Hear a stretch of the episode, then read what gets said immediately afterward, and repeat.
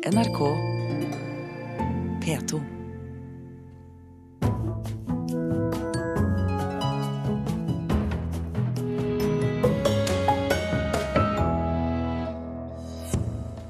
Rasismedebatt i Stavanger i kveld til tross for sterk motstand. Flere debattanter har trukket seg. Norske museer skjuler skatter du sjelden får se. For dårlig, mener museumsdirektøren på Maihaugen. Vi er ikke flinke nok, og jeg tror museene må bli flinke til akkurat det. Ta de frem fra magasin og vis dem. Og CD-ens død er betydelig overdrevet. Solgte for 46 milliarder kroner på verdensbasis i fjor.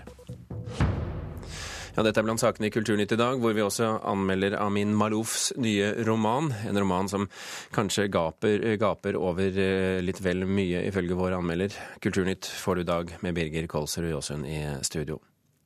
Flere av deltakerne har trukket seg fra en rasismedebatt på Sølvberget kulturhus i Stavanger i kveld.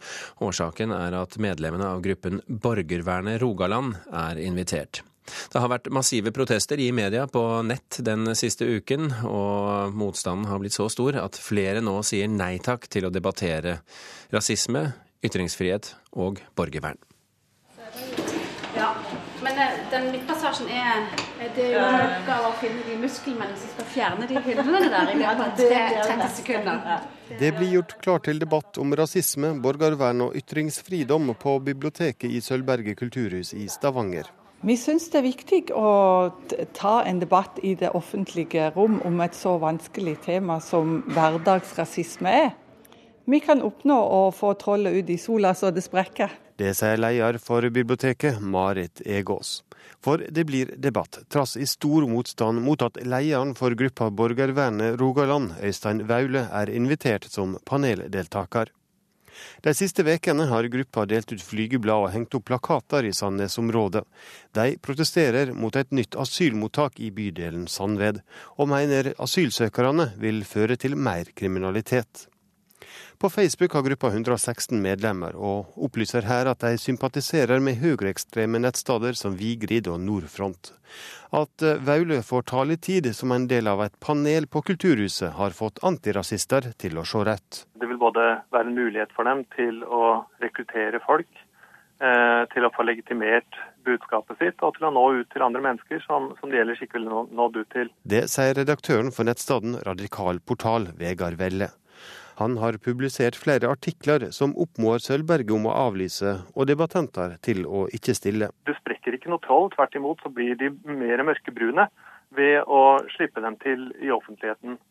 Eh, og nettopp av den grunn så har også et samlet antirasistisk eh, miljø uttalt at eh, det er feil av eh, personer å stille opp til den debatten. For noen dager siden kom meldinga om at lokalpolitikerne Marcela Molina fra SV og Pål Morten Borgli fra Frp har trukket seg fra debatten. Molina mener det fremdeles er viktig å ta debatten, men ønsker ikke sjøl å delta. Det ble så utrolig mye press eh, og negative, tilbake, negative tilbakemeldinger. Eh, ikke bare i altså, Veldig mye fra rundt omkring i landet. Så derfor så har, jeg, så har vi gjort en vurdering om at eh, SV og jeg ikke skulle delta i debatten. Stortingsrepresentant for Arbeiderpartiet, Eirin Sund, har derimot takka ja til å stille i debatten. Hun mener det er bra at debatten kommer ut i lyset. Jeg tenker at det må bidra til at en får opp på bord, opp i dagen, det de står for, og at, blir, at de blir imøtegått, at de blir konfrontert. Og så tenker jeg også at eh, jeg håper jo at det er veldig mange som kommer, og sånn òg viser at de ikke har de holdningene og står for de meningene som, som de gjør. Så, og så er ikke jeg redd for debatt. Jeg tror at ord er demokrati, og debatt er demokrati. Så derfor så syns jeg den debatten er viktig. Det synes leder for biblioteket Sølvberget, Marit Egås òg. Hun mener det er en gyllen sjanse å sette biblioteksloven ut i livet. Her står det at folkebibliotekene skal være en uavhengig møteplass og arena for offentlig samtale og debatt. Vi ønsker ikke sirkus, men vi ønsker den offentlige debatten og den offentlige opplyste samtale, og det er det vi prøver på. Ja, Det har ikke lykkes NRK å få en kommentar fra Vaule i dag, men til Stavanger Aftenblad sier han at Borgervernet Rogaland ikke er en rasistisk eh, organisasjon. Debatten begynner klokken sju i Sølvberget i kveld, og reportere her var Ina Charlotte Fjelløy, Anette Johansen Espeland og eh, Espen Alnes.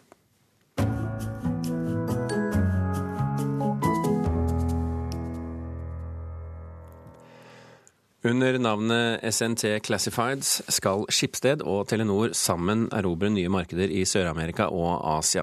Skipsted, som eier Aftenposten og VG, tjener store penger på rubrikkannonser på nett, og før jul la Telenor 1 milliard norske kroner på bordet for å være med på rubrikkeventyret. En av satningsområdene er Brasil. Bølgene slår inn over den berømte stranda Copacabana i Rio de Janeiro. To kvartaler unna badende turister ligger hovedkontoret til norske SNT Classifieds. Til tross for at selskapet er helnorsk, er det ingen nordmann som sitter i sjefsstolen. So the goal is to create a similar position as we have in Norway with Finn uh, here in, uh, here in uh, Brazil.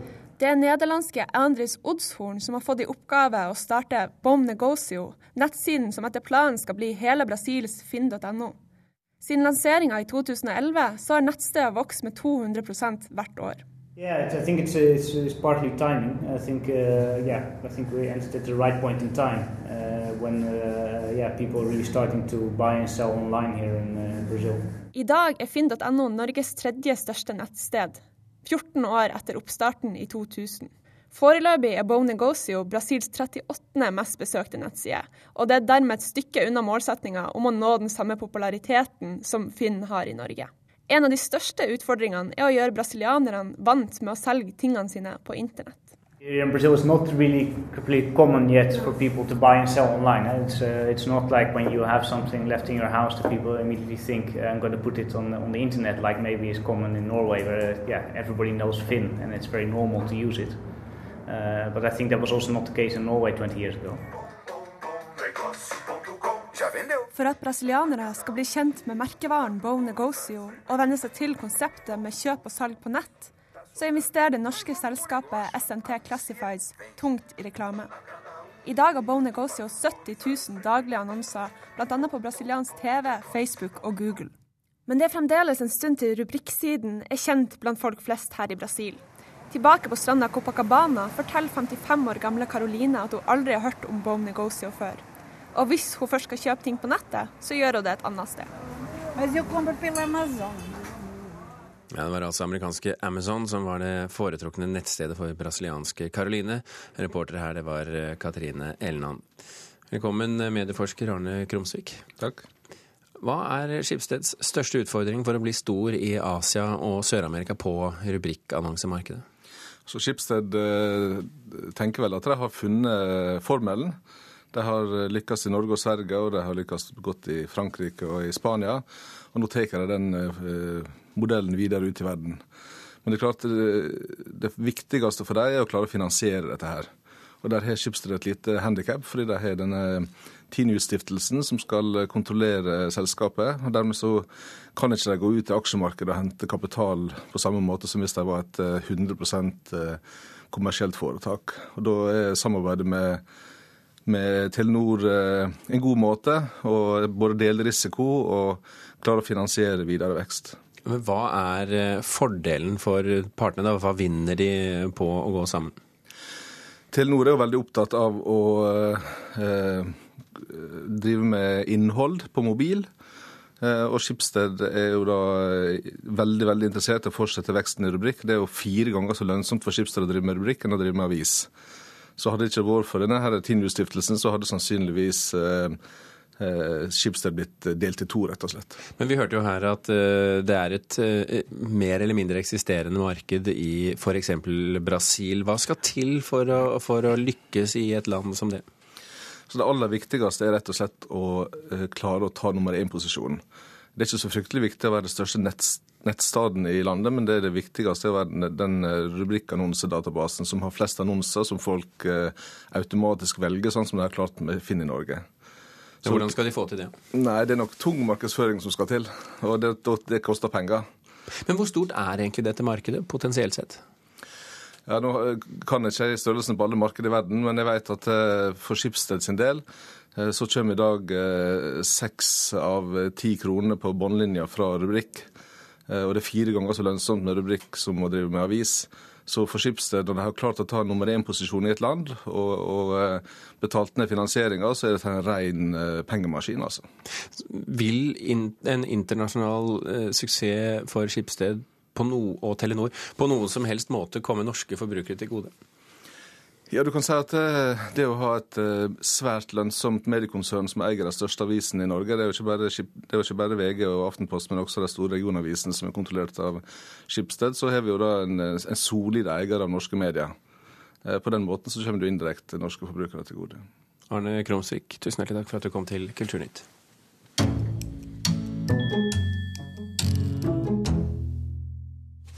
Norske museer skjuler skatter publikum sjelden eller aldri får se. Det mener direktør på Maihaugen i Lillehammer, Gaute Jacobsen. Selv har han tatt frem og skal stille ut en av museets mest verdifulle gjenstander. Verdens eldste revolver.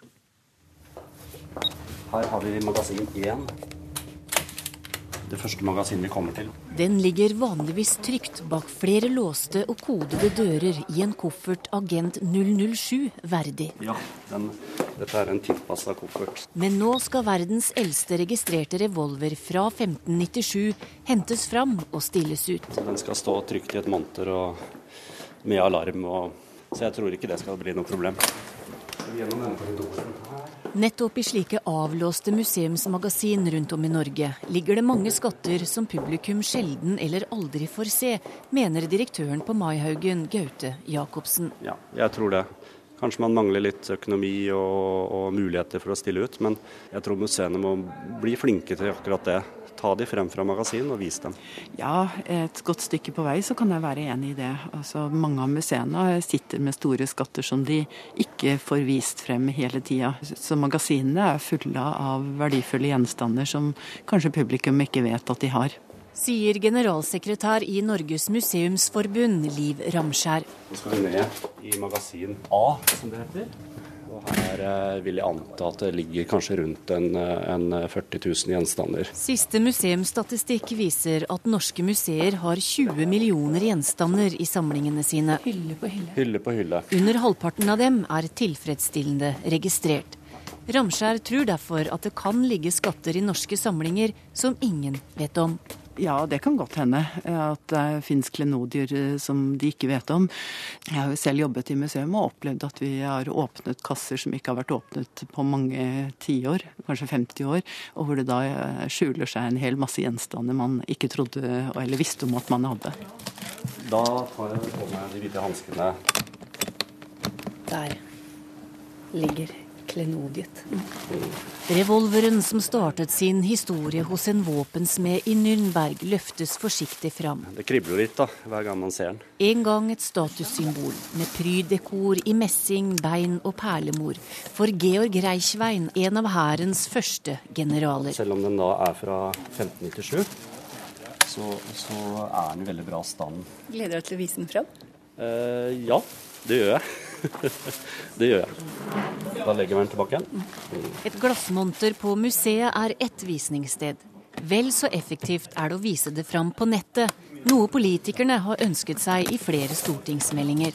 Det er jo den, den, måten som man virkelig kan nå publikum over hele landet og hele verden for den saks skyld, med de gjenstandene man har i samlingen. Men foreløpig kan bare et par prosent av museenes skatter sees på nett. De fleste museene har store etterslep i forhold til det å få registrert og digitalisert samlingene, så her er det stort potensial. Men hva er det som gjør at eh, museene ikke får vist fram eh, de mest verdifulle gjenstandene sine på en god nok måte? Det hovedproblemet er kanskje at man ikke klarer å sette av nok ressurser til å jobbe med samlingene på en aktiv måte, sånn at man kan få ut all den kunnskapen og, og, om hva som er i samlingene. Og her varierer nok eh, prioriteringene i de enkelte museene. Du hørte til slutt her generalsekretær i Norges museumsforbund, Liv Ramskjær. Reporter, det var Torunn Myhre. Og hvis du vil se denne revolveren, og flere objekter i og for seg, i Maihaugens våpensamling, så har de lagt ut både tekst og bilder på sine hjemmesider. maihaugen.no.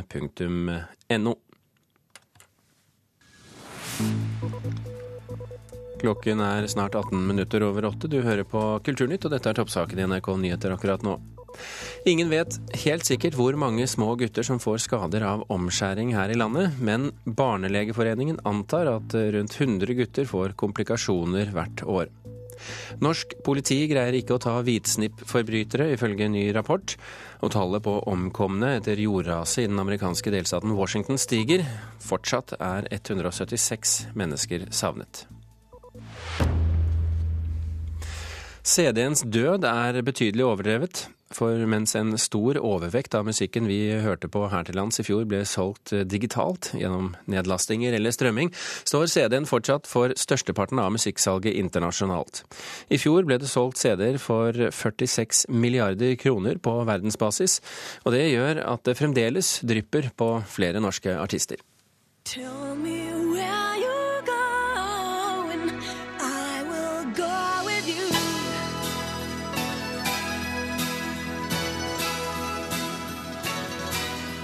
Jeg ønsker å lage en reise for lytterne mine.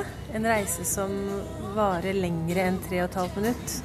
Eh, en reise som varer en hel CD, dvs. Si 40-50 minutter. Silje Nergård er ifølge plateselskapet hennes en av de norske artistene som fortsatt selger mye CD-er i utlandet. Jeg har alltid vært opptatt av det visuelle, vært opptatt av platecover. Eh, første platecoveret mitt skrev jeg jo hver tekst eh, for hånd. Rundt 20% av musikken som ble solgt i Norge i 2013, ble solgt gjennom CD-er. Resten av musikken ble solgt digitalt, via nedlasting eller strømming. Men globalt, hovedsakelig utenfor Skandinavias grenser, er situasjonen en helt annen, viser nye tall fra plateselskapsorganisasjonen IFPI. På verdensbasis står fortsatt CD-salget for 60% av musikkmarkedet. Nesten tre ganger mer enn i Norge. Store musikkmarkeder som Tyskland og Japan trekker opp CD-bruken. I Tyskland står CD-en fortsatt for hele 77% av markedet.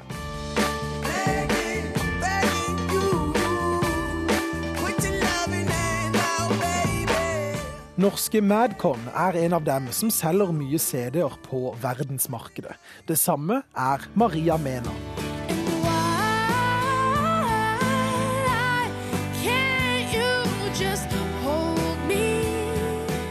Men hvorfor er strømming og nedlasting så stort akkurat i Skandinavia, mens CD-en fortsatt dominerer i resten av verden? Jeg tror det er flere grunner til det. Vi er eh, relativt små markeder. Vi eh, er eh, gode på teknologi. Vi har gått på en måte utbredt altså bredbåndspenetrasjon, der nesten alle har smarttelefoner etc. Også i tillegg til at de største tjenestene, både Spotify og Vimp, er jo skandinaviske tjenester. Sier direktør i IFPI, Marte Thorsby. I fjor ble det solgt CD-er for 46 milliarder kroner på verdensbasis. Men for Leif Ribe, markedssjef i plateselskapet Sony Music, er ikke formatet så viktig. For oss så, er det ikke formatet egentlig som, som, opptar oss eh, mest. Vi er opptatt av å markedsføre artistene og at de gjør suksess i ulike land. men Eh, så kommer jo på en måte formatet de selger på, det kommer jo litt sånn en, som en naturlig konsekvens av de landene de gjør suksess i, da. Men for noen artister har fortsatt formatet en betydning, også rent økonomisk. Eh, selvfølgelig er jo CD det som gir best avkastning. Innrømmer Nergård. Eh, altså, alle vet jo at Spotify er bare en slags vits da, for oss som er opphavsmenn. Altså, vi tjener jo ingenting på det. Thorsby, som tror det bare er et spørsmål om tid før strømming tar over store deler av markedet verden over, mener ikke at dette nødvendigvis går ut over artistenes inntekt. Så lenge streaming øker mer, eh, eller digitale tjenester øker mer enn CD synker, så vokser jo totalmarkedet. Og det er det vi har sett i Norge de siste to årene. Det sa altså Marte Thorsby til reporter Christian Ingebretsen. Musikkforsker ved Universitetet i Agder og Agderforskning, Daniel Norgård på linje fra Kristiansand. Velkommen til Kulturnytt. Tusen takk.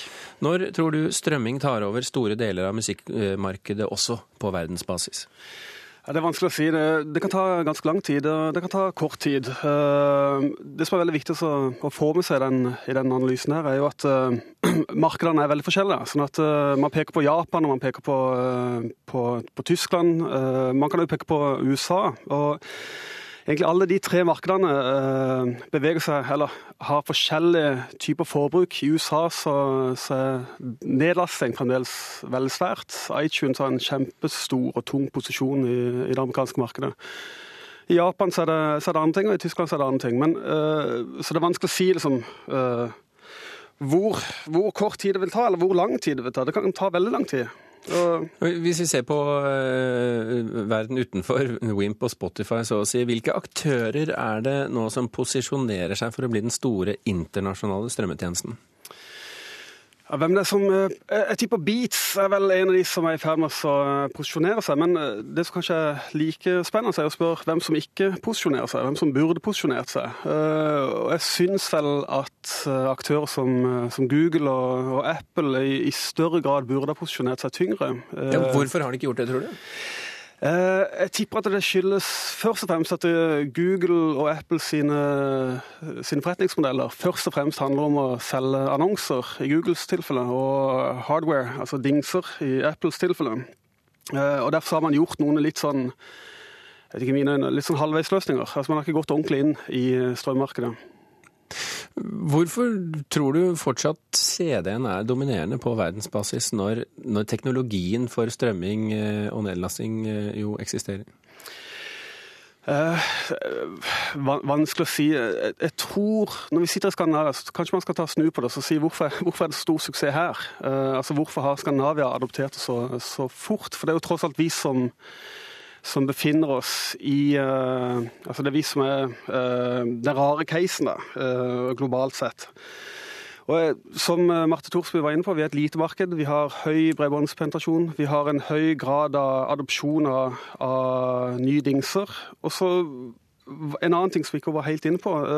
Det er en del markeder som har en reluctance når det gjelder bruk av kredittkort. Og det å gi fra seg kredittkortinformasjon på nett. Den, den, dagen digital eh, konsum av musikk eh, er den mest dominerende over hele, hele verden, vil det påvirke musikken eh, vi konsumerer? Ja, Det vil nok.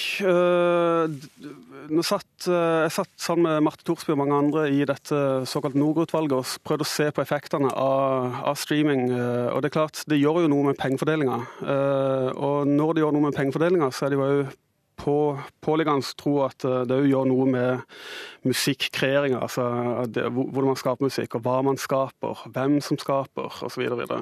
Men de effektene tror jeg kommer uh, seinere. Det, det, som er viktig, det er vel at uh, for at streamingmodellen skal kunne bli optimal, så er det nødt til, det nødt til å bli tatt noen grep med pengestrømsmodellen.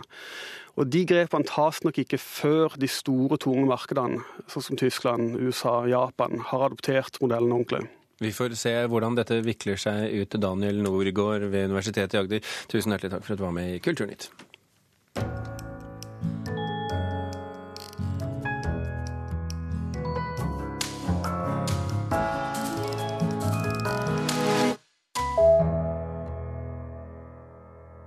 Motoren i Amin Maloufs nye roman 'De forvillede' er eh, gode venner som møtes igjen etter 30 år. De har vært spredd for alle vinder som en følge av krig og uro i Midtøsten. Vår anmelder Anne Katrine Straume ønsker, eh, ifølge henne, så ønsker forfatteren å favne bredt med denne boken, men han kanskje gaper over litt for mye. Han skriver lett, libanesiske Amin Malouf, forfatteren som skriver på fransk og har bodd i Paris siden midten av 1970-tallet. På det punktet stemmer hans historie godt overens med status til jeg-fortelleren i den nye romanen De forvillede. Adam er en anerkjent historieprofessor. Han er 47 år, har bodd i Paris de siste 25. Nå drar han tilbake til hjemlandet, som vi får tro er Libanon, selv om han bare omtaler området som Levanten. Han er hastetilkalt for å se igjen en gammel venn som ligger for døden. Adam kommer for sent, men setter seg fore å samle den gamle vennegjengen fra de optimistiske studiedagene. De er spredd på flere kontinenter, de færreste har sett hverandre i denne lange tiden. Gjennom 16 dager med mailkontakt og samtaler forberedes gjenforeningen. Vennene har alle ulik bakgrunn og tro, det som forenet dem var et slags fremtidshåp i fellesskapets ånd. Nå er illusjonene brutt, de som ble igjen har krigens blod på hendene, de som rømte landet kan ikke frikjennes for å ha latt de andre i stikken. Amin Malouf skriver innsiktsfullt og engasjert, men han er ikke snaure enn at han bruker samtalene mellom de gamle vennene til å skape generelle diskusjoner om svik, hevn og tilgivelse, om religion og familietilhørighet, om språk og om politikkens umulige utfordringer i et krigstynget land. Han diskuterer sågar kjærlighet, troskap og utroskap. Det store tematiske mangfoldet gir meg følelsen av å sitte på sidelinjen og betrakte forfatterens litt for smarte konstruksjon de ulike personene og deres skjebner er skapt for å behandle nok et tema. De blir rollefigurer i et spill som mister litterært liv. Noen fortellinger er mer gripende enn andre. Eksempel den tragikomiske historien til Albert, som allerede hadde skrevet sitt selvmordsbrev og var på vei hjem for å gjøre alvor av handlingen da han ble kidnappet og truet med å bli henrettet. Kidnappingen ble faktisk hans redning. Fangevokteren vil ingenlunde gå med på at livet er verdiløst, og gjør derfor alt han kan for at Albert skal holde det hellig. Språklig har Malouf stålkontroll. Fra første setning merkes det at det er en erfaren forfatter som skriver. Så har han da også i flere tiår gitt ut romaner og essays som leses over hele verden. En virkelig god oversetter har han i Christine Amadou. Teksten veksler mellom Adams egne nedtegnelser og en utenforstående tredjepersonsfortelling. Det fungerer bra og skal vise seg å ha en betydning når vi kommer til den overraskende slutten. Det beste ved romanen er beskrivelsen av hjemløshet hos mennesker som har flyktet fra et krigsområde, og den kanskje noe forsinkede erkjennelsen av at ingen kan fraskrive seg ansvar. Å være et moralsk menneske handler om å opptre rakrygget uansett hvilken situasjon man er i. Ansvar og dialog er begreper Malouf forfekter. Det er velment og prisverdig og fint gjort, men skjellsettende romankunst blir det ikke. Det mente vår litteraturkritiker Anne Katrine Straume. Og med det runder vi av og gir stafettpinnen videre til Anne Jetlund Hansen i Nyhetsmorgen. Kulturnytt fikk du av Mari Janne Myrhol, Gjermund Jappé og Birger Kolsrud Jåsund.